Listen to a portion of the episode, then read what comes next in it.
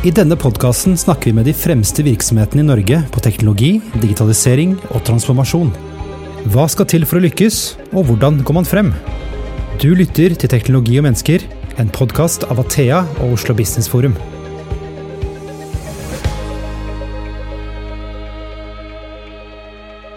Da er vi tilbake med en ny episode i podkasten Teknologi og mennesker. Mitt navn er Christian Brostad. Aller først, godt nyttår. Nå er vi i 2023. Eh, et tips, hvis du ønsker å få nye episoder rett inn i podkastspilleren din, så er det lurt å abonnere. Nå har vi lagt 2022 bak oss. Andre skal oppsummere året, men vi skal se fremover. Så i denne episoden skal vi snakke om teknologitrender for 2023. Vi har med oss to gjester som vi har hatt på besøk tidligere. Det er Tor Kramvik Sivertsen, partner i Deloitte, og så har vi Magnus Revang, som er Research Vice President i eh, Gartner. Velkommen til dere. Tusen takk. Tusen takk. Vi har utfordret dere da til å komme med spådommer for 2023 om teknologier som da enten får et ordentlig gjennombrudd eh, dette året, eller vil ha mest innvirkning på hvordan vi jobber, lever og samhandler. Eh, og begge dere kommer jo med litt feite trendrapporter som eh, publiseres, eh, så dere har plukket ut noen godbiter fra de to rapportene. Og som en gest da, så lenker vi også opp til de to rapportene i description-feltet under denne episoden. Men jeg tenker sånn aller først, Tor. Hvordan jobber man for å få fram disse trendene? Hvordan blir trendrapporten deres til? Ja, eh, det har vi jobba ganske mye med de siste årene, og liksom bli enda mer relevant. Så det siste året så har vi jobba månedlig eh, med denne globalt. Vi har samla inn referansecaser, og, vi har jo et perspektiv hvor vi ikke nødvendigvis skal spå det som skjer om, om 5 og 10 og 15 og 20 år, men hva er liksom som treffer de neste 12 til 18 månedene. Da. Og, og da har vi jobba med å samle inn referansecaser fra alle bransjer og prøve å syntetisere dette her, og hvordan, hva er det som vi kan dra av felles slutninger som treffer alle. Eh, og hva er det vi kan mest forvente at blir mest aktuelt. Så det, det har vi jobba mye med, og nå har vi publisert, eh, lansert rapporten, men vi gir jo også ut komplett sett av referansecaser og eh, detaljer, så her kan man grave seg inn ganske dypt hvis man har lyst. Mm. Er det litt samme metode dere gjør? Ja, absolutt. Veldig veldig metodisk, selv om det kan virke kaotisk til tider når det kommer om trender. For trender er stort sett det at du ønsker å snappe opp det som er ikke sånn lineært eller forutsigbart, men vi ønsker å snappe opp det som kanskje folk ikke har forutsett uh, at kommer til å skje. Uh, og det må man gjøre, man må forkaste ganske mye for å komme frem til de tingene som uh, De hypotesene da, som, som, støttes av data og støttes av analysene vi gjør. Mm. Så, så, det er veldig veldig mye arbeid som går inn i disse trendrapportene. og vi måler jo hvor rett vi har også, og overraskende mm. mye har vi, har vi rett på. Eh, men ofte er vi for optimistiske. Alle teknologer er for optimistiske. Uh, og så, så, vi også har en sånn uh, tidshorisont på tre-fire tre, år. og så kan man regne med at det skjer innen 57. Mm.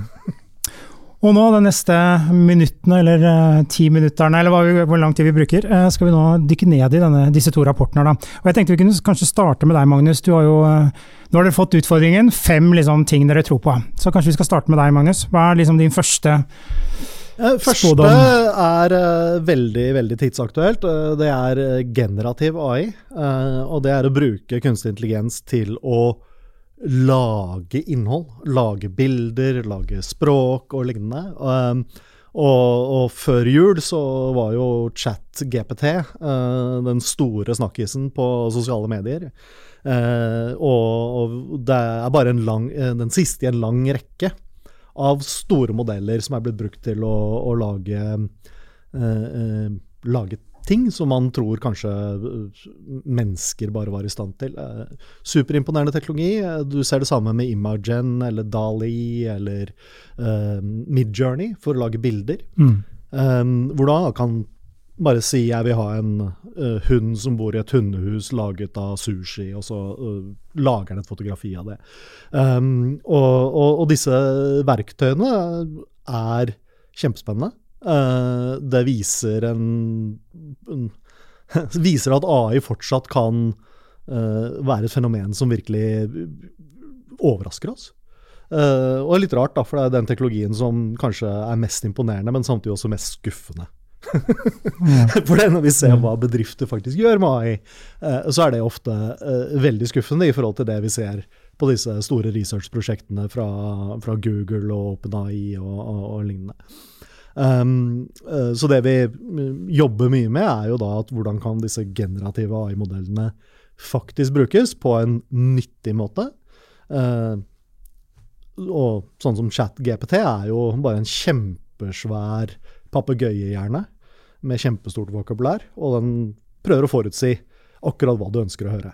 Uh, så hvis du spør en uh, spørsmål om å støtte en ting, så vil den gi deg en, en argumentene for. Hvis du ber den om å uh, ikke støtte en ting, så vil den gi argumentene imot. Men den vil ikke gjøre noe mm. drøfting eller lignende. Den er ikke intelligent. Det er bare en veldig veldig god modell på å forutse hva du ønsker å gjøre. Mm. Um, og, og, det er jo litt nydelig, for jeg var i et møte her om dagen og noterte punkter, og så heiv jeg det inn i den chat uh, som jeg aldri husker forkortelsen, da, GPT, ja, ja. Uh, og så kom det opp en oppsummering. Rett inn til sjefen. Bruk, bruk som, ja. bruk som ja. Det er veldig rart da, at vi sannsynligvis kommer til å bruke AI til å gjøre bullet pointene våre om til kjempebra pros, og så i andre enden så kommer du til å lese det og gjøre denne svære e-posten ned til bullet points igjen. Uh, så, så Har du prøvd dette, eller Tor? Jeg har ikke prøvd det i så veldig stor uh, utstrakt grad. Jeg har selvfølgelig prøvd det privat, bare for mm. å finne liksom, ut hvordan dette er. da. Men i en sånn uh, mer corporate setting så, så, ser vi jo at det ikke har tatt helt av. Men det er jo fragment av den samme teknologien som er tatt i bruk ganske mye nå, både i industrien, men ikke minst i helsevesenet og i andre type uh, informasjonstunge industrier. da. Mm. Så, så, vi tror definitivt at dette er nært eh, forestående, at vi får eh, også industrialisert dette her på fornuftig vis inn til virksomhetene. Men eh, forhåpentligvis da i en litt mer nyttig form enn eh, det du får svar på eh, hvis du graver deg dypt i, i, disse løsningene som er der ute nå. Mm. Og så er det jo mye rundt sikkerhet og, og, og, hvor er disse bottene sitter, og hvor er det dataene er samla, og hvor skal du dele osv. Så, videre. så det er jo foreløpig ganske store begrensninger knytta til hva man kan gjøre når man ikke er som privatperson. da. Absolutt. Uh, når det kommer til snakker om bedrifter og hvordan de bruker det, så er det ofte i en pipeline med uh, teknologier som sørger for at de har kontroll. Uh, for det som er artig med disse modellene, er at de kan hallusinere. så de kan faktisk komme opp med svar som ikke finnes i treningsdataene i det hele tatt, og, og konklusjoner som er helt feil. og det kaller man hallusinering. Uh, og, det kan man jo ikke ha hvis du er bank, og så plutselig så begynner, uh, begynner, begynner, modellen å gi finansielle råd som er helt feil, og den type ting. Uh, så det brukes ofte som en sånn til enkeltting. Å oppsummere, f.eks., er et veldig vanlig bruksområde. plukke ut ting som et japansk fornavn i en norsk setning, eller at du prater om en billig bokhylle og ikke billig kollegaen din mm. uh, uh, i en setning, det, det er bruksområdet hvor, hvor, disse store modellene faktisk uh, virkelig er brukbar. Mm. Men dette går veldig sånn tett på eh, den andre trenden som vi har i vår rapport, som går på dette her med hvordan er det vi egentlig åpner opp for AI i virksomheten. Mm. Eh, og, og, det handler veldig mye om å gå fra at du var en blackbox eh, hvor du putta noe inn, og så kom det noe ut, sånn som de opplever kanskje at de store eh, populære løsningene i dag er, til at man mer tenker på at dette her må være en sånn glassboks, så vi kan se inni hva er det som skjer, hvor, hvordan er det dette her henger sammen. Og, og, vi ser jo at der som man har klart å ta AI inn i virksomheter, også her i Norge, så er det fordi man har jobba tett med de som faktisk bruker det. Man har tenkt en sånn AI first-tankegang. Sånn, hva er det vi gjør i dag som kunne vært eh, forbedra? Eh, og så starter man i det små. Og så tar man med de som jobber med dette her i dag, med på den reisen, sånn at de er med fra dag én og liksom ser at ja, jo, faktisk, den kommer med noen forslag som er nyttig for meg. Og etter hvert så har man sett at no, i noen av disse miljøene hvor man var veldig skeptisk til å begynne med, så over tid så utvikler dette her seg til at man, yes, man kan faktisk ta store deler og automatisere ende til ende. Man kan orkestrere det på en ny måte, og dermed faktisk få en mer, mer maskindrevet tilnærming fellesnevner for mange av disse her, at i dag ikke nødvendigvis snakker om at de har AI, men de snakker bare om at det er sånn prosessen er nå. Mm. Vi får noen prosessstøtte eller får noen virksomhetsbeslutningsstøtte eller Så, så det, det, er en, det, er en, ganske stort skift som har vært det siste året, hvor man da egentlig gikk fra at det var en hype, eh, eh til at det liksom kom inn på eh, Folk begynte å lure på hvordan eh, løsning skal vi ta i bruk, til liksom Nå er spørsmålet mer hvor mye kan vi ta i bruk, og hvor skal vi ta det i bruk eh, raskt. Mm. Og det er jo sånn når du ser på disse store modellene spesifikt, da, eh, så er det jo noen selskaper som eh, ikke lar deg leke med det. OpenEye lar deg leke med ChatGPT, eh, men du kan f.eks. ikke leke deg med bildegenereringen til Google. Fordi de ikke ønsker den negative PR-en det vil være hvis den begynner å lage ting som kanskje ikke er til og med lovlig å gjøre, eller ta uh, karikaturer og, og, lignende. Det er jo forholdsvis mye du kan gjøre som nesten ikke er akseptabelt å si, og så skal det komme et bilde av det som en naturtro. ikke sant? Og, og, og de derre Hvordan vi tillegger disse algoritmene ansvar. Og eh, hvem er det som er ansvarlig? Er det eieren av algoritmen? Er det jeg som kommer med prompten for hva den genererer? Eller, eller hvem er det som, som, som sitter med de eh, tingene? Eh, det, vil, eh, det er sånn selskaper tenker på. Men ikke nødvendigvis vi som leker oss på, med det, gjør. og da kommer vi inn i det jeg ofte sier, er at psykologi og forandring av oppførsel mye, er mye treigere, tar mye lengre tid enn det faktisk teknologien lar deg gjøre. Uh, når du kommer ned til bedrifter, så må du ofte se på det at uh, de beveger seg sakte. Og, og, de må ta det i bruk på riktig måte. Det kan ikke være sånn at de kan få en forside av VG fordi de ikke tenkte på en negativ konsekvens. Og, og det er veldig, veldig, viktig når vi ser på disse store teknologiene. Men det er veldig tillitsdrevet, da. Og dette mm. med at du faktisk kan bygge tillit til beslutningene som tas, da. At det faktisk er eh, tillitsbasert til at de kognitive vurderingene som skal gjøres, er i tråd med det som vi opplever som etisk riktig. Det er ikke nødvendigvis at det er riktig i henhold til et regelsett, men det er liksom også oppleves etisk riktig for, for, menneskene som er involvert.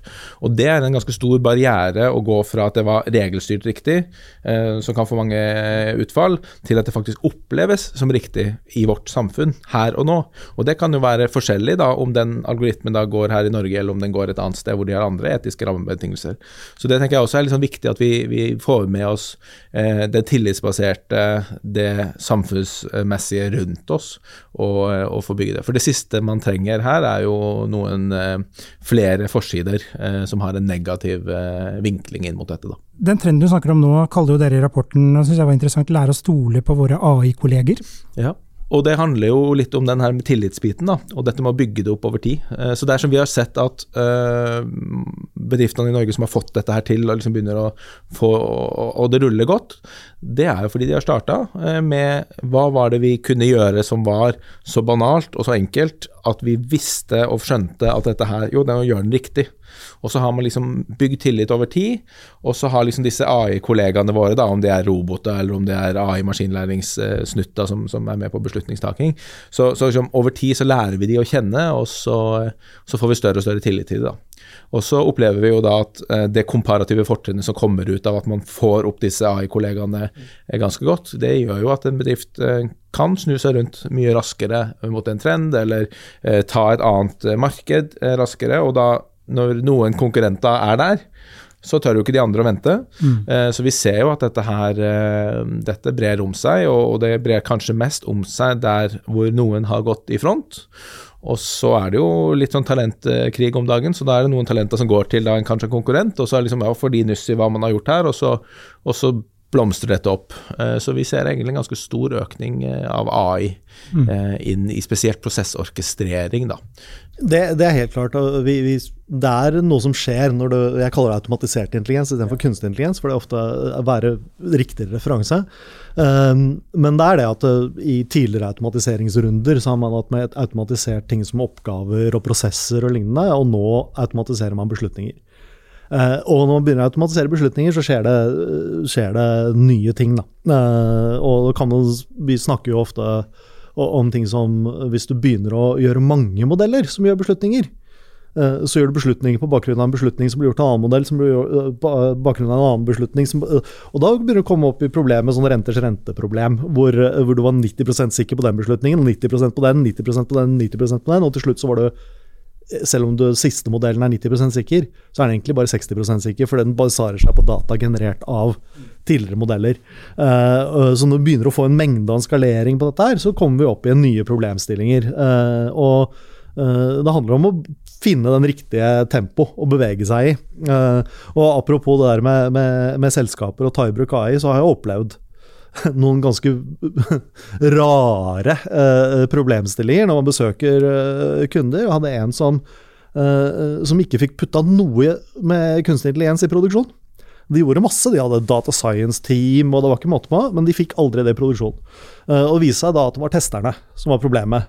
For testerne hadde mandat at de skulle skrive under på at ting fun funket. Så det fun fungerte. Men siden dette lærte av seg selv, eller lærte, etter det var produksjonssatt, så kunne de ikke skrive under på at det kom til å fungere. For det kunne jo tenke seg at den lærte, og så fungerte den ikke mm. uh, senere. Så da nekta de å skrive under på det. Uh, så de ikke, kom ikke forbi test. Da må du tenke at kan du ikke endre mandatet til testerne, da? Ikke sant? Men, men disse, det er jo ren psykologi og ren organisasjonskultur og ren struktur som da ligger bak teknologien. altså Den beveger seg treigere enn teknologien, som gjør at disse, den type problemstillinger mm. dukker opp. Da. Og Det er jo her man trenger sånn produktorientering og tverrfaglige mm. team som da jobber sammen og har en felles modning til prosessen. da, Og man bygger den tilliten over tid, eh, sånn at man faktisk får disse tingene igjennom. Og, og, det som er helt sikkert, er at man trenger topplederforankring. For det er noen som må være tøffe og stå på barrikadene og si at vi, vi, skal oppnå dette, og for å komme hit så må vi bruke disse og disse mekanismene.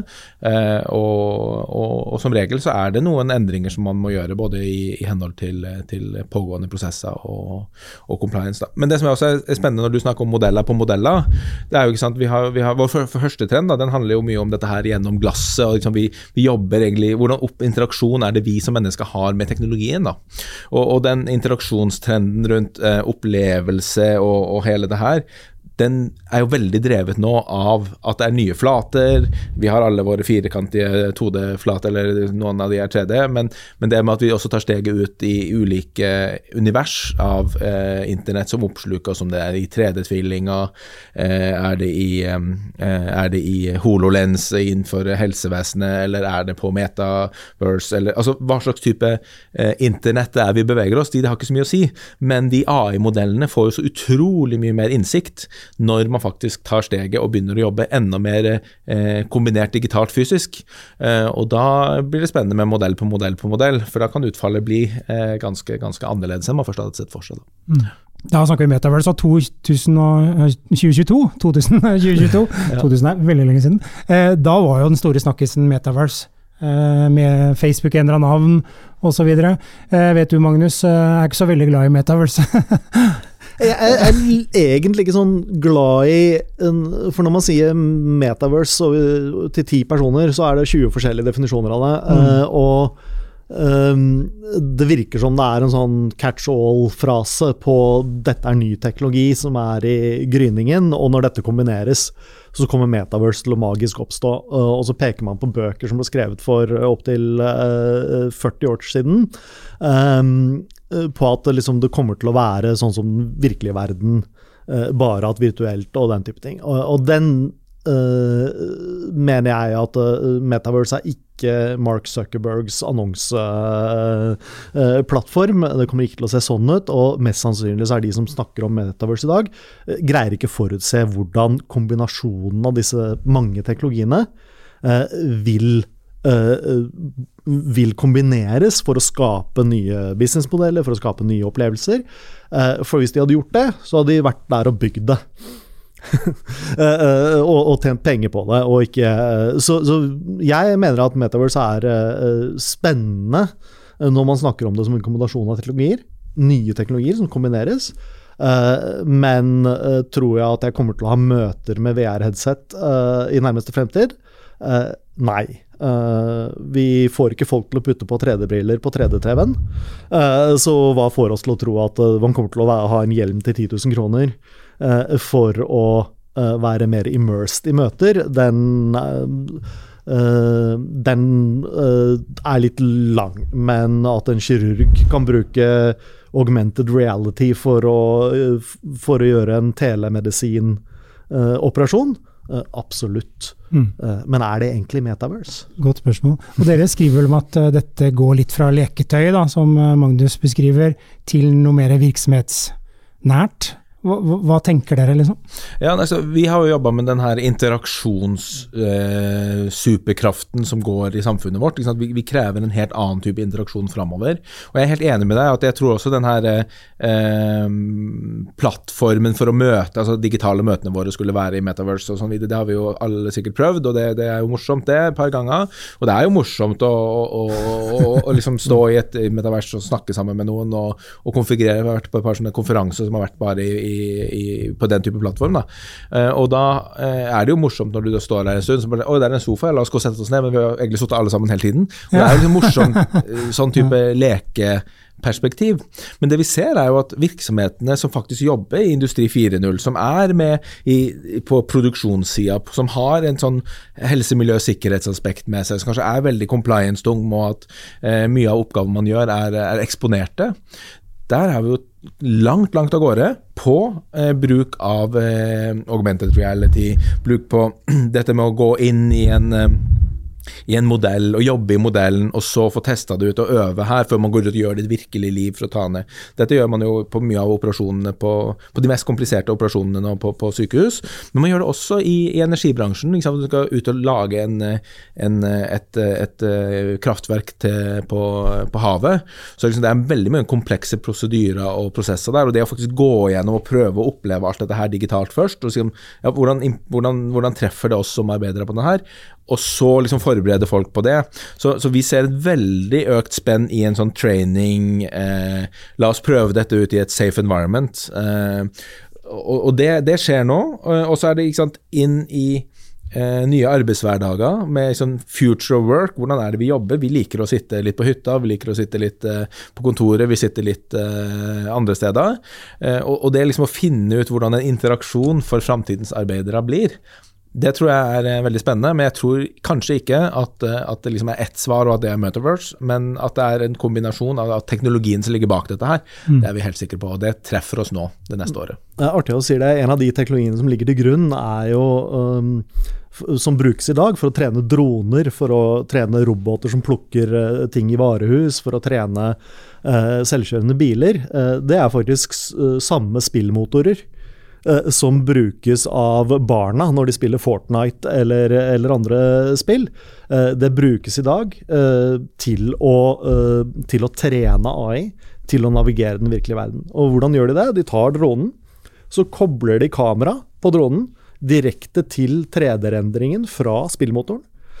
og så tar de sensorene og feeder tilbake og, og, og kobler opp. og så navigerer da dronen Eh, for det 3D-grafikken man greier å lage, er såpass realistisk eh, at den lurer kamera og er god nok til å trene eh, dronen. Og, den teknologien, vi ser jo mer og mer av disse spillmotorene, da, få brukes utenfor spill. Uh, F.eks. hvis du har Disney pluss og ser på serier som The Mandalorian eller lignende, så er bakgrunnen bak skuespillerne det er ikke grønnskjerm lenger. Eh, de er et svært varehus med faktiske LED-monitorer bak skuespillerne, eh, som blir generert av samme spillmotor som barna bruker til å spille Fortnite på. Eh, og, den i real time, så de kan flytte steiner, flytte gjøre Nei, vi må ha ettermiddag istedenfor dag. flytte skipet litt til siden. og de gjør det med iPader, hvor de flytter ting rundt. Det rendres real time. Og det, det du ser på TV, når du ser på det, Bakgrunnen der er faktisk laget i real time, i studio, med samme motor. Uh, og det er, uh, for meg, virker, er det en sånn demokratisering av, uh, av det å lage innhold, og det å lage innhold raskt, og det å kunne også for bedrifter Eh, få opp og simulere noe, eller lage noe, eller få markedsføringsavdelingen til å lage eh, Ta bilen som vi nettopp designa, for å se hvordan den ser ut i reklamefilmen. Mm. Uh, og, og, det gjøres da i store entrepriser i, i dag allerede, uh, og vi kommer til å se det mye mer. Mm. Vi trenger ikke å reise til USA for å se det. Det er et par år siden, rett etter at eller ett år siden, rett etter at det åpna opp, eh, så var det en megahackathon eh, på Vestlandet rundt disse, en av disse industriklyngene, eh, hvor, hvor vi var med inn og fasiliterte på, på prosessida og liksom teknologisida. Men for å liksom få dette her til å bli levende osv., så, videre, så inviterte vi jo inn et av de ledende gamingmiljøene i Norge, hvor de da var med oss og kode liksom, hva er framtidens grensesnitt for en industriarbeider. Og Det er ganske kult når du får inn folk som har helt andre preferanser, og som er sykt rask med den der PlayStation-stikka, til å liksom tenke kunne vi gjort dette her på en helt annen måte? Og når du da etterpå får liksom, eh, tilbakemeldingene fra eh, de som er vært på bakken og jobba med disse fysiske store veldig farlige og skumle prosessene, eh, med høye temperaturer og det er maskiner som er kraftige, til liksom bare å si at yes, vet du hva, vi kan gjøre dette her remote. Vi kan sitte eh, på safe distance og gjøre alt dette her. Eh, vi ser at det er mulig. Eh, og da får du et ganske stort steg altså, eh, mot en automatisering både i en industrikontekst, men også da en forbedring av en arbeidshverdag for en utsatt gruppe som har mye yrkesskade eh, og eksponeringsskade. da. Dere er så flinke, for dere hiver inn trendene deres i hverandre. så det, det, Nå snakker vi jo egentlig om en trend du kaller spillteknologi. da. Ja. Eh, Magnus, Vi kan jo snakke om dette i dagevis, men du har en som jeg eh, beit meg litt merke i. Eh, som vi har, vi har hatt en pod om det tidligere også. Dette med superapper. Ja, uh, og det er jo artig, for dette har jo vært i Asia veldig lenge. hvor steder som WeChat og andre messaging-plattformer har egentlig vært stedet du må være som bedrift, mm. fordi kunden er der. F.eks. for eksempel så, så starter ikke chatbot-prosjekter i, i um, Latin-Amerika og i Afrika med uh, 'vi trenger en chatbot'. De starter med 'vi trenger å være på WhatsApp'. For å være på WhatsApp så har vi ikke nok folk. Så da må vi faktisk ha en bot isteden. Uh, og så er det jo sånn at Man kan bruke språkteknologi til å finne ut hva folk mener, og så svare og sånn, men disse appene har jo også rike interaksjonsmuligheter. Uh, så da blir det at du lager en faktiske applikasjoner som da lever på messaging-plattformen, istedenfor å leve på din egen nettside eller, eller lignende. Uh, og, og, dette har jo eksistert i Japan, Kina og lignende ganske lenge, og nå begynner det å komme så smått til hva vi kan kalle Vesten, Europa og USA. Eh, og det er jo en av grunnene som Elon Musk Nå vet du ikke hva han sier eh, som er uh, sant og ikke, men, men, en av grunnene han har sagt til at hvorfor han kjøpte Twitter, f.eks., var å gjøre det om til en superapp for USA og, og Europamarkedet. Um, og det er veldig spennende, for det, som bedrift så har du en nettside, du har kanskje en, en chat på nettsiden, du har noe ting på callsenteret ditt, og har liksom ting. Og alt det er avhengig av at jeg tar kontakt med deg. I superappene så handler det om å være der hvor kunden er, eh, og faktisk av og til reaktivt responde også.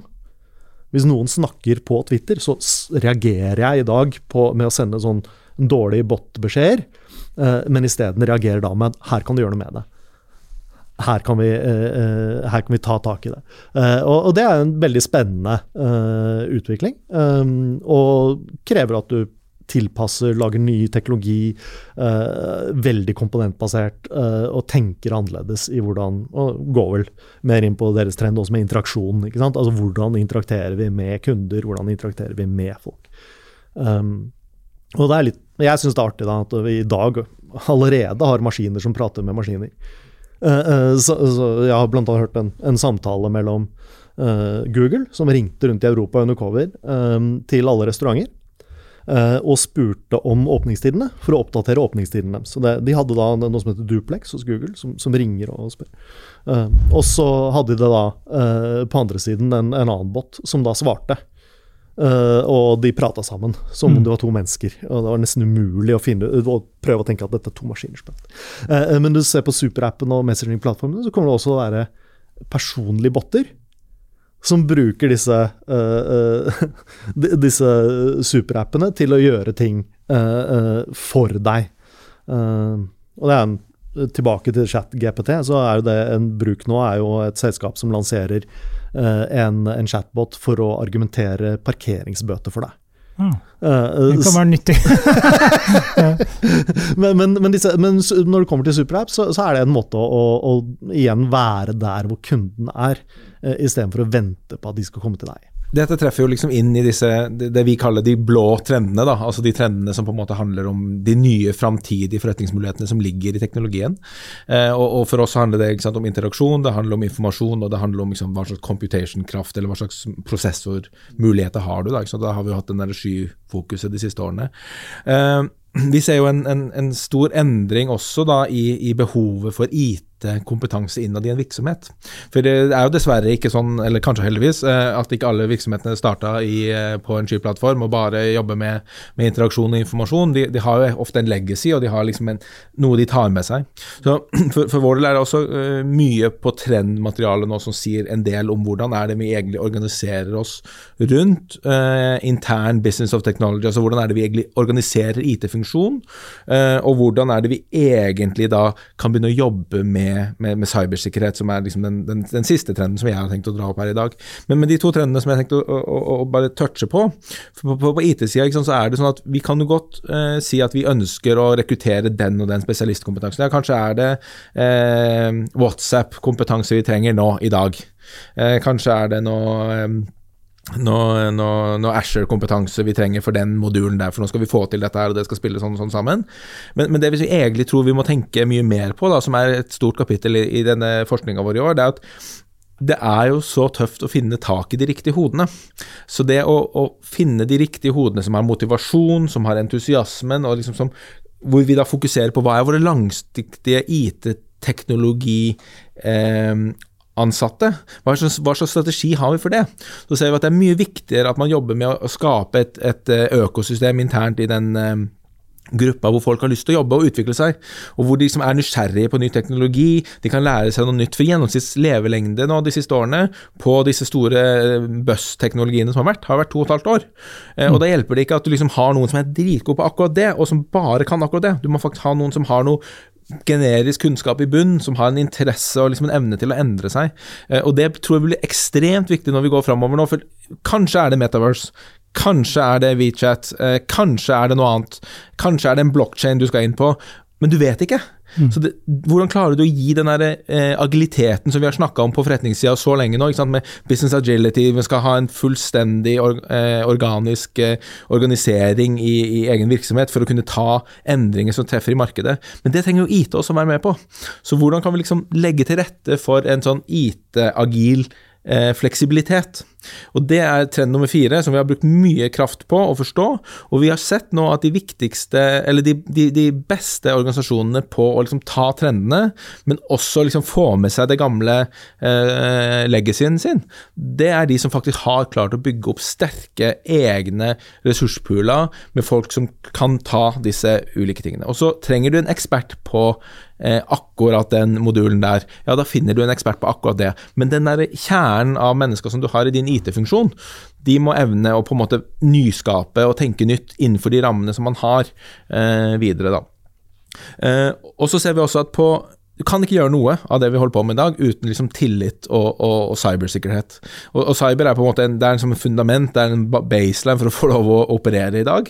Eh, for, for, uten det liksom, så ramler det veldig fort igjennom. Og, det som jeg tror er kanskje det mest spennende som er akkurat nå, det er liksom hvordan er det du interagerer med andre, når vi egentlig trenden er at vi stoler bare på oss selv. Eh, og det har jo da, sant, med blokkjeder og den type teknologi, så har vi liksom fått den her eh, muligheten til å både utvikle digitale assets, vi kan dele digitale assets, og vi stoler ikke på at du kan det riktig, eller at du gjør det riktig, men vi stoler på at vi sammen kan validere at jo, vet du hva, eh, Tor han, han, kan det han snakker om, og, og, og det kan, kan, de andre vi jobber med også, og, og da blir det liksom en, en, ny måte å jobbe på. Og det tror vi tar helt av eh, i det kommende året, eh, på informasjonsdeling spesielt. Magnus er helt sprekkferdig her. ja, ja, ja, dette er kjempespennende. For det, jeg blir spurt av en del kunder, eh, blant annet, og, hvordan kan kriminelle bruke denne nye teknologien mm. for å faktisk lure oss, eller for å, å svindle oss, og, og, den type ting. Og, og, da går vi særlig inn på uh, modifisering av AI-modeller. Uh, og også det med deepfakes. Uh, og man har jo allerede i dag et tilfelle hvor en, en CFO ringte CEO av et selskap og, og, sa vet du hva, vi trenger å overføre så og så mye penger til denne kontoen her. jeg forklarer senere. Det var en deepfake-stemme av CFO-en som ringte CEO. CEO gjorde det. Og det var ble utsatt for et svindel, rett og slett et svindelangrep. Og når du kan gjøre sånt, da, så er det jo det at går man tilbake i en verden hvor man faktisk må møtes for å etablere den uh, trusten? Er det sånn at vi, hvis vi skal snakke om noe som er veldig sensitivt, at jeg må drive sånn som en, en spionroman? Uh, at jeg går uh, Det er godt det regner i Moskva i dag, og du svarer sånn Men jeg har paraply, og da vet vi at vi prater sammen. og er det virkelige? Er det, er det, sånn det kommer til å være i ledelsen av, av bedrifter i fremtiden, for å validere at vi kommer til å liksom, etablere protokoller sånn som det? Uh, så, så det, det, er én ting som er veldig spennende. Altså, og vi hadde jo en prediksjon for et par år tilbake eh, på dette med, eh, med, deepfakes, som går på at eh, når man lager en algoritme som kan brukes til å lage deepfakes, så må man også levere en algoritme som kan detektere den. og den skjer jo nå i Kina. hvor det ble bare i, går på, påbudt eller eh, i går, sier jeg, eh, rett før jul, eh, ble påbudt å watermarke alt som kan lages deepfakes av i, i, Kina. Så, så, dette Det går inn på ikke bare sikkerhet, men det er interaksjon og sikkerhet, og hvordan ofte, som vi ser i all cybersikkerhet, egentlig, er at det er det mennesket er det svakeste leddet. Og da man kan bruke teknologi for faktisk å lure mennesket enda mer eller mer Og, og det, ja, det, det, er liksom sky is the limit på, på den teknologien. Av hvordan man kan tenke seg at den kan dras. Da. Og, og, og, så er vi jo sant, i en verden hvor liksom, sirkulær økonomi, sirkulære løsninger, krever interaksjon. Vi krever desentralisert arkitektur, det krever at vi deler asset, vi deler personell, vi, vi, vi, vi jobber på en annen måte. Eh, og den der tillitsfaktoren da blir bare helt ekstremt viktig. At man da tar med seg fra starten og, og designer løsninger og prosesser og, og arbeidsformer da, som gjør at vi vi hensyntar det. Eh, for, for, det er som du sier, én ting er et sånn deepfake-angrep. Eh, men skal man skape tillit i en sirkulær økonomi, så må man også ha tillit til at ting spinner riktig, og at, at alle gjør som de sier de skal gjøre, og at ikke noen feilrapporterer eller noen gjør noe gærent.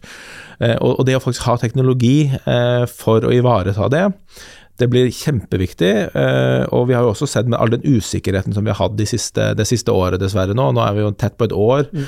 eh, siden denne invasjonen, så har det jo vært en eksplosjon av, eh, av cyberangrep. Og da er vi jo veldig fort der at Norge er jo en, en, stor, viktig aktør. Vi er jo et lite land, men vi er en viktig aktør. Både på kraft, men også på mat. gjennom fiskeriet vårt og den type ting. Og, og hvordan er det man da jobber med næringer som tradisjonelt er ganske tradisjonelle, som kommer inn sent i en sånn digitaliseringsbølge, og som da tar sjumilssteg. Da må man rett og slett designe fra starten på en eh, solid måte, da. Uh, ja, og, det bringer oss inn i et litt sånn politisk uh, trend, da. Digital selvråderett. Som, som, er et, et spennende spennende tema. Uh, så jeg vil gjerne ta et tankeeksperiment på dere. Uh, på følgende. så la oss si, hvis vi drar det tilbake til disse store språkmodellene og, og lignende. Så tankeeksperimentet er som dette at disse store modellene som avgjør hvordan vi forstår språk. Maskiner forstår språk, eller eh, hvordan de kan lage bilder av språk og, og den type ting. eh, det er jo noe som krever ekstremt stor datakraft og ekstremt mye doktorgradsfolk for å kunne lage. Så det er færre og færre selskaper faktisk, og, og miljøer i verden som kan lage det. Så til slutt så er det jo sånn på internett at vi foretrekker monopolister vi graviterer mot det, den teknologien som gir de beste resultatene. Altså får vi noe som heter algoritmiske monopoler, uh, hvor man går inn. Hvem er det som bruker noe annet enn søkemotoren Google i dag? Det er, det er ikke så veldig mange. Uh, så, så, man graviterer mot den som gir best svar. og da kan man tenke seg at plutselig så sitter man fem, seks, syv år frem i tid og tenker at oi, all maskinell forståelse av norsk kontrolleres nå av fire amerikanske og to kinesiske selskaper. Uh, og da kan du si at hvilke problemer er dette? Ok, Så la oss se hvordan disse språkmodellene fungerer. da. Uh, det er som å gjøre matte på ord. Så hvert ord har tusener av koordinater, avstander til andre ord. Sånn at man kan gjøre matte på ord, rett og slett. Hvis jeg sier konge pluss England, så får jeg Charles. det er det nærmeste ordet til de to, f.eks. Og så tenker jeg at ja, hvis vi tar et et land som, eller en stat, som noen kaller en stat, og noen ikke vil at skal bli kalt en stat. Eh, og så sier vi at avstanden mellom ordet land og den statens navn gjør vi større. Sånn at hver gang det genereres en tekst, eller forstås en tekst, så forstås ikke den i kontekst av land lenger. Eller skrives ikke i kontekst av land. Og da har litt sånn orv orwelliansk 1984-angrep eh, på tankene våre, eh, eh, ved at det, færre og færre kontrollerer hvordan maskiner faktisk forstår ting. Og da kommer vi inn på digital selvråderett. ikke sant?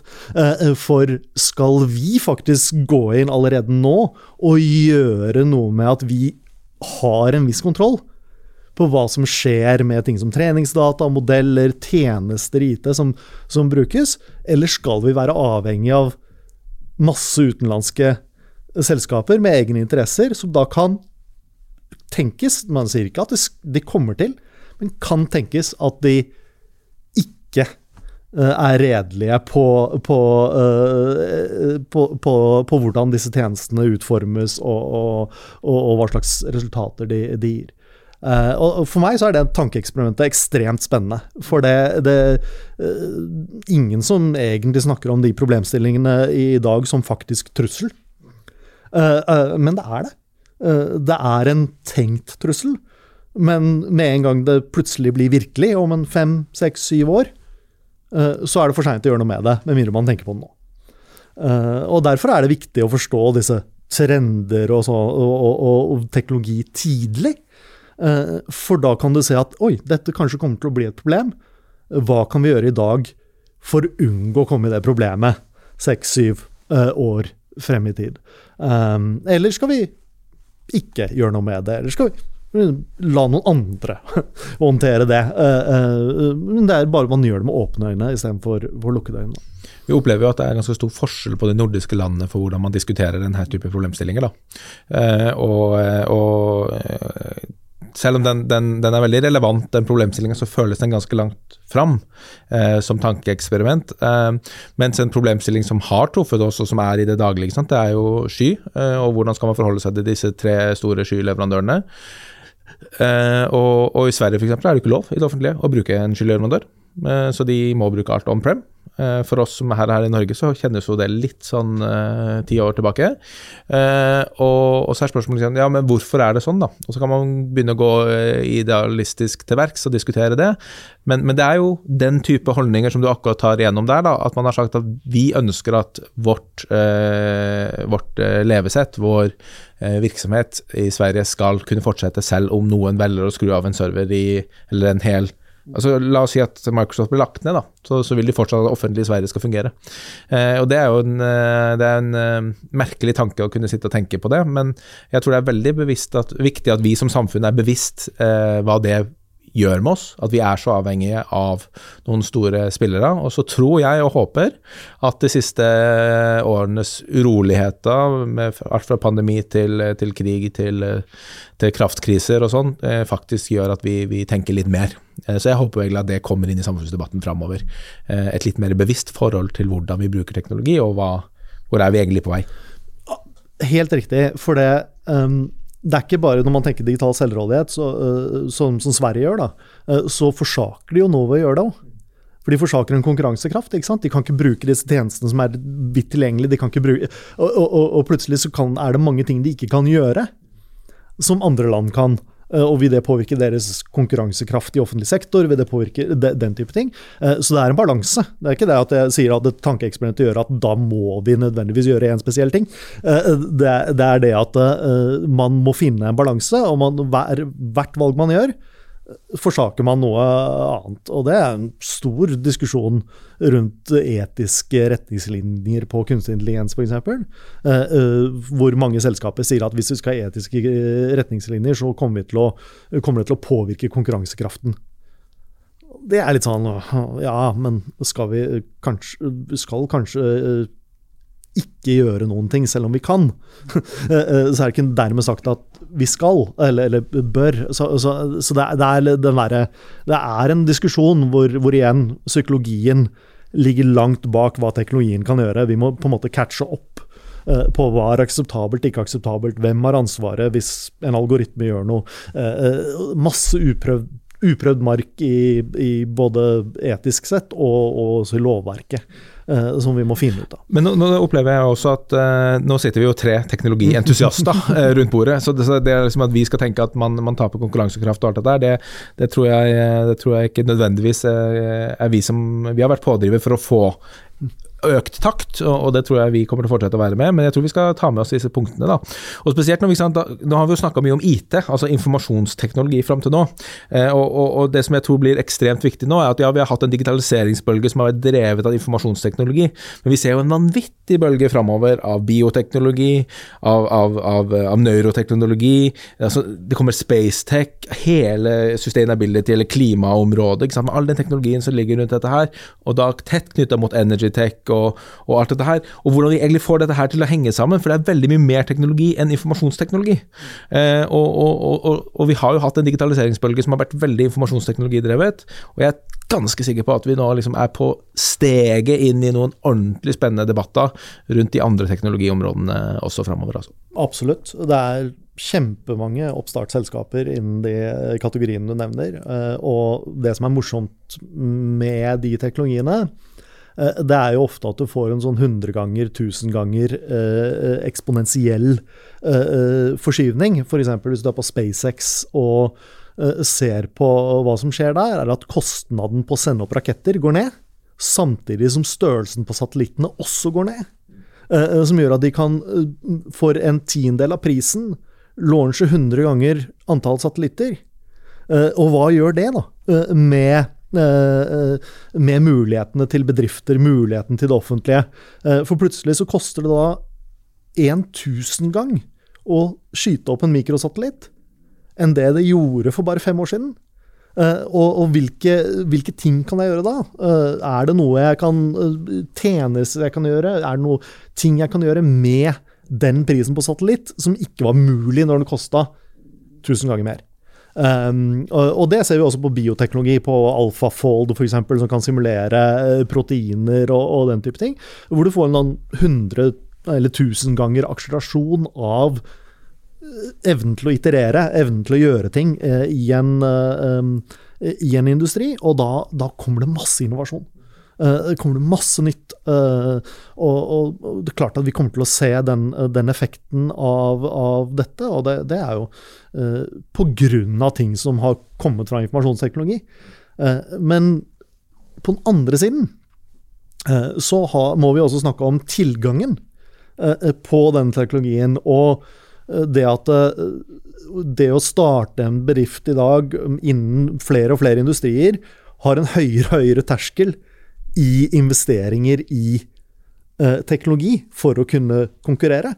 Eh, så vi ser jo da også at eh, veldig mye innovasjon sentreres på færre og færre kjempestore selskaper som har tentaklene sine inn i absolutt alt. Uh, og det er også en, en, på en måte tilbake til uh, diskusjoner og politiske diskusjoner etc. er jo hva skal man gjøre med det? Eh, hva, er det en problemstilling som man faktisk bør kunne diskutere? Da? Jeg sier ikke at det er noe svar som, er, uh, er, som jeg har, iallfall, men det er diskusjoner som er kanskje verdt å ha. Da. Absolutt, og den type vertikale clouder og den type ting har jo liksom kommet uh, i, i, veldig mange bransjer som man egentlig ikke trodde det skulle komme. Uh, og Det betyr jo at aktører som ikke er i en bransje, kan ta steget over i en annen bransje bare med å trekke kredittkortet uh, litt sånn satt på spissen. og det er jo det er, en, det er, en, spennende tanke, men også en ganske sånn reguleringsmessig tanke som blir litt viktig. da. vi ser jo en stor bølge av egentlig tsunami, hvis vi kan bruke det begrepet, av, av, av regulering innenfor klima klimaområdet eh, som treffer oss nå framover. Og jeg tror liksom kombinasjonen av klimateknologi, energiteknologi og robotteknologi sammen eh, kan bli veldig spennende. Og jeg hørte et, eh, møtte en utrolig eh, imponerende forretningsleder på Vestlandet, en liten startup som driver med tareskogrestaurasjon. Eh, eh, og, og, det er jo bare helt enormt. Hvis du klarer å, å, restaurere tareskog, så har det 50 ganger større effekt enn å restaurere barskogen som vi har i Norge. Eh, og det er også et veldig stort potensial, fordi disse krabbene og kråkebollene som går rundt kysten vår, de, de, ødelegger og bryter ned og lager ørken. men hvis de da kan begynne med å restaurere denne type eh, natur, eh, så er det faktisk en god del insentiver nå i, både i EU og i, og i, FN til å faktisk betale for den type ting. For vi har gitt alle disse klimapengene vi putter inn i klimafond for å, å drive med forbedringsaktivitet, så, så, er det faktisk et stort marked for å da ta teknologi fra robot, fra eh, klimabiten, og så kombinere dette her og lage nye forretningsmodeller og faktisk drive med restaurering. Så de var jo helt negative til at selskapene nå går ut og sier at vi skal være klimanøytrale. For de var jo megaklimapositive. Så de genererer masse positiv eh, payback til, til, samfunnet. Og jeg håper og tror at liksom det er liksom det vi skal drive med framover. At vi liksom har selskaper og virksomheter som er positive eh, på klimaregnskapet, og i andre regnskap. Eh, for det tror jeg blir viktig. Det er noen industrier, jeg skal ikke nevne hvilken, men hvor, hvor det er en faktisk forretnings handelsstrategi, hvor man ønsker å være så klimavennlig som mulig. Og så lobbyerer man i andre enden på politikere for å øke klimakravene til den industrien. For da man ligger i front, mens alle de andre må spille catch up. Mm. Uh, og, og, det skjer også f.eks. på AI-etikk, hvor du, de selskapene som står fremst og snakker om AI-etikk, de har lobbyister i Washington som, uh, som krever lovgivning for, uh, for, for, for AI-etikk fra, fra, politikerne. Uh, så det er helt klart at det, det, er en forretningsside hvor det kan lønne seg. ved faktisk å, å, å, gjøre det også. Um, du også nevnte jordbruk og, og, og um, fiskenæring og den type ting. Og det er utrolig mye innovasjon som skjer i, i, det. Vi har uh, simulering av havstrømmer for østersoppdrett. det er ansiktsgjenkjenning av fisk er en faktisk ting. det er prediksjonsmodeller for, for lakselus og lignende. masse teknologiinnovasjon. Eh, som i dag skjer i, i, i, disse bransjene, som man kanskje ikke tenker på som teknologibransjer. Eh, men for å få en del av disse eh, millionene med tonn med laks hvert år, så ligger det faktisk veldig mye avansert teknologi. Eh, akkurat som det er veldig mye avansert teknologi i oljebransjen eh, som driver eh, norsk økonomi eh, fremover. Da, som man kanskje ikke tenker på eh, så mye når man, man tenker på den, den, bransjen heller. Nå begynner vi å nærme oss slutten, så jeg tenkte um, et sånn avslutningsspørsmål her. fordi nå har dere kasta på bordet ti trender, så vidt jeg har klart å telle. det har gått i ett. Uh, veldig bra. Men eh, hvis, for vi har en del ledere som hører på, forretningseiere, IT-ansatte osv. Hva er liksom, Tor, eh, viktigste rådet til folk nå? Det, for det, i januar kommer alle disse trendrapportene. Mm. Eh, hvordan skal man forholde seg til disse? Jeg tror det er viktig at man orienterer seg om hva som skjer, og hva som beveger seg, og kanskje spesielt i sin bransje. Eh, hva er det som treffer min bransje, og hva er det som er mest eh, aktuelt? Og så tror jeg jo at man rigger seg rundt og har framtidens medarbeidere og en organisasjon som er eh, klar for å ta imot dette her. Um, og det tror jeg handler mye om både fleksibilitet, som vi snakka om på, på IT-sida, i de medarbeiderne der, men ikke minst kanskje organisere seg mer agilt på, på forretningssida. Og så tror jeg at man må være litt nysgjerrig, man må tørre å prøve. Eh, og så er jo kanskje konjunkturene nå sånn at man har mer fokus på liksom hvordan kan man ta inn besparelser og, og, den type ting. Men jeg tror mange av teknologitrendene her kan være med å, å, å underbygge det kostnadsskiftet som man har behov for å gjøre. Da. Mm. Hva er ditt viktigste råd? Bygg evnen til å eksperimentere. Uh, det å kunne uh, lese alle disse rapportene om hva som kommer og ikke kommer, uh, det er ett steg på veien. Må kunne gjøre noe med det òg, og vite hvordan kommer dette til å påvirke oss, når skal vi ta det i bruk, eh, og, og lignende.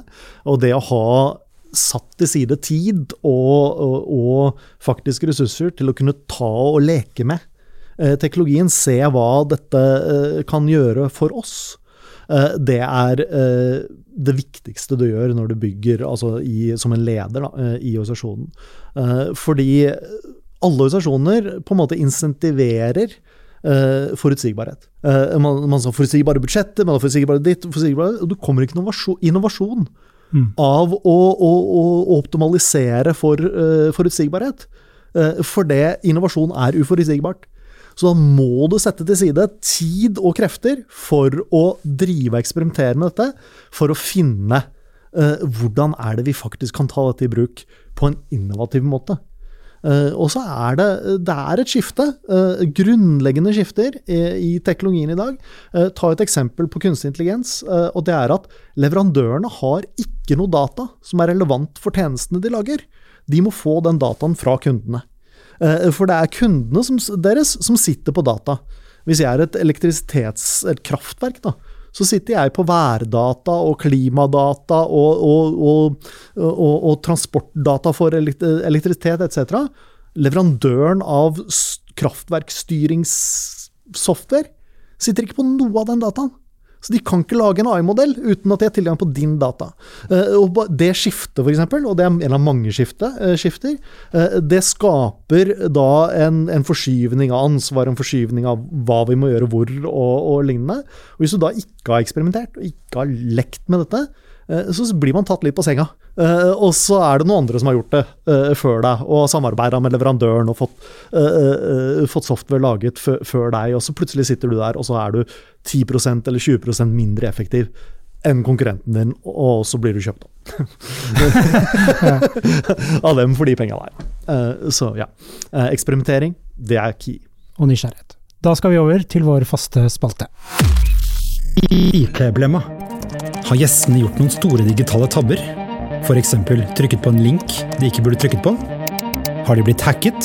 Eller har de rett og slett sendt feil emoji til en kollega? IT-blemma.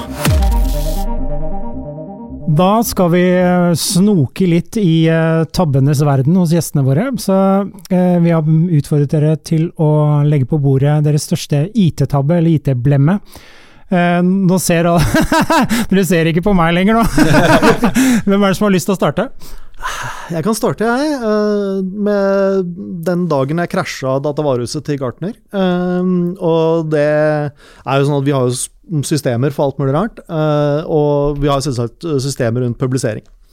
Uh, og da fyller man ut masse rart for å flytte dette fra steg til steg. ikke sant? Med sånn at Vi, vi har jo en, en, ganske rigid prosess med uh, hva som kaller peer reviews, hvor, hvor, andre analytikere på en måte eh, kritiserer mitt arbeid før det blir publisert. Uh, og så var jeg litt seint ute med en presentasjon som skulle på en konferanse. så jeg skulle fylle ut alt dette her, og så kommer liksom ned til en sånn meningsløst felt da, som jeg hadde fylle ut. og det, på, Antall slides i presentasjonen, tror jeg det var. Så jeg skrev 100 000, og så trykka submit for å få det inn. Eh, og da gikk det litt tid, og så plutselig kom det en e-post med åtte stykker i IT-avdelingen på CC eh, eh, om at eh, datavarehuset sleit eh, fordi jeg hadde putta liksom 100 000 inn i dette feltet. Og så skrev jeg tilbake at vet du hva, det må dere jo forhindre på, på, på interface-nivå. Jeg dekker brukeropplevelse også, og, og, dette er jo egentlig ikke en sånn, Dette er jo egentlig ikke min feil, det er jo systemets feil, da. Og får jeg tilbake, da, og da holdt jeg på å le meg i hjel med at de, de antok at, at brukeren ikke var ond. Eh, og da ble det en mailutveksling hvor de kalte du meg nettopp ond. Eh, så, så vi, ikke, vi, vi, har samme problemer som de fleste andre selskaper uh, hos oss også. Så vi, vi, vi, bruker våre egne rapporter til å, til å forbedre. Men, ja, Men konkluderte det? Var du ond? Ja, de liker meg fortsatt ikke, tror jeg. Men, uh, men sånn er det. Det er verste stedet å være IT-avdeling, tror jeg. Hvor, hvor, du har 1000 analytikere som vet bedre, ja. eller tror de vet bedre, uh, på absolutt alle teknologier. Uh, så skal du levere til dem. Da, det er en veldig vanskelig jobb, så jeg misunner dem ikke det. Da. Tor? Ja, jeg går litt lenger tilbake i tid, da. Eh, for jeg, jeg, tror jeg lærte ganske mye av det. Det var min første ordentlige sånn IT-jobb i, en, uh, i en relativt stor norsk virksomhet. Hvor, hvor, jeg kanskje ikke hadde så veldig mange oppgaver den første perioden. Og så hadde de jo et sånn patcheskap, dette her var jo noen år siden, så det var et sånt stort sånn patcheskap og nettverks skap, som egentlig var navet, da. Eh, også IT-sjefen han eh, tok en gul lapp, og så skrev han ned disse kablene her skal kobles ifra, og, og du skal rydde opp sånn og sånn, og skal merke, merke, merke, riktig, da. Så jeg gikk eh, ivrig til verks, det var første jobb og ville ikke gjøre noe gærent, så jeg gikk jo veldig raskt til verks og fikk tatt ut alle de kablene som skulle tas ut. Uh, Utfordringa var jo bare at de han hadde skrevet uh, nummerert, var jo de som ikke på, under noen omstendighet skulle tas ut. Oh. Så jeg tok jo da ned, uh, etter 14 dager etter ferdig utdannelse, så tok jeg da ned et helt norsk uh, reiselivsselskap egenhendig. Og det, det ble noen sene kvelder der for å finne ut hvor alle disse kablene som hadde stått der i 20 år, hvor de skulle gå og sånn etterpå. så det lærte jeg en hel del. Saftig tabbe. ja, det var en saftig, saftig tabbe. men det lærte jo litt om at du sjekker eh, to ganger eh, før du gjør noe sånn type ting, og du tenker også på hva er det jeg egentlig gjør nå, mm. eh, før du gjør en sånn type manøver en gang til. Altså. Nydelig. Vi har alle tabber, heldigvis. Tor og Magnus, tusen takk for at dere kunne være med, og tusen takk til deg som har lyttet på. Du har nå lyttet til Teknologi og mennesker, laget av Athea og Oslo Business Forum. Liker du podkasten, setter vi stor pris på om du gir oss noen stjerner. Og tips gjerne en venn om podkasten.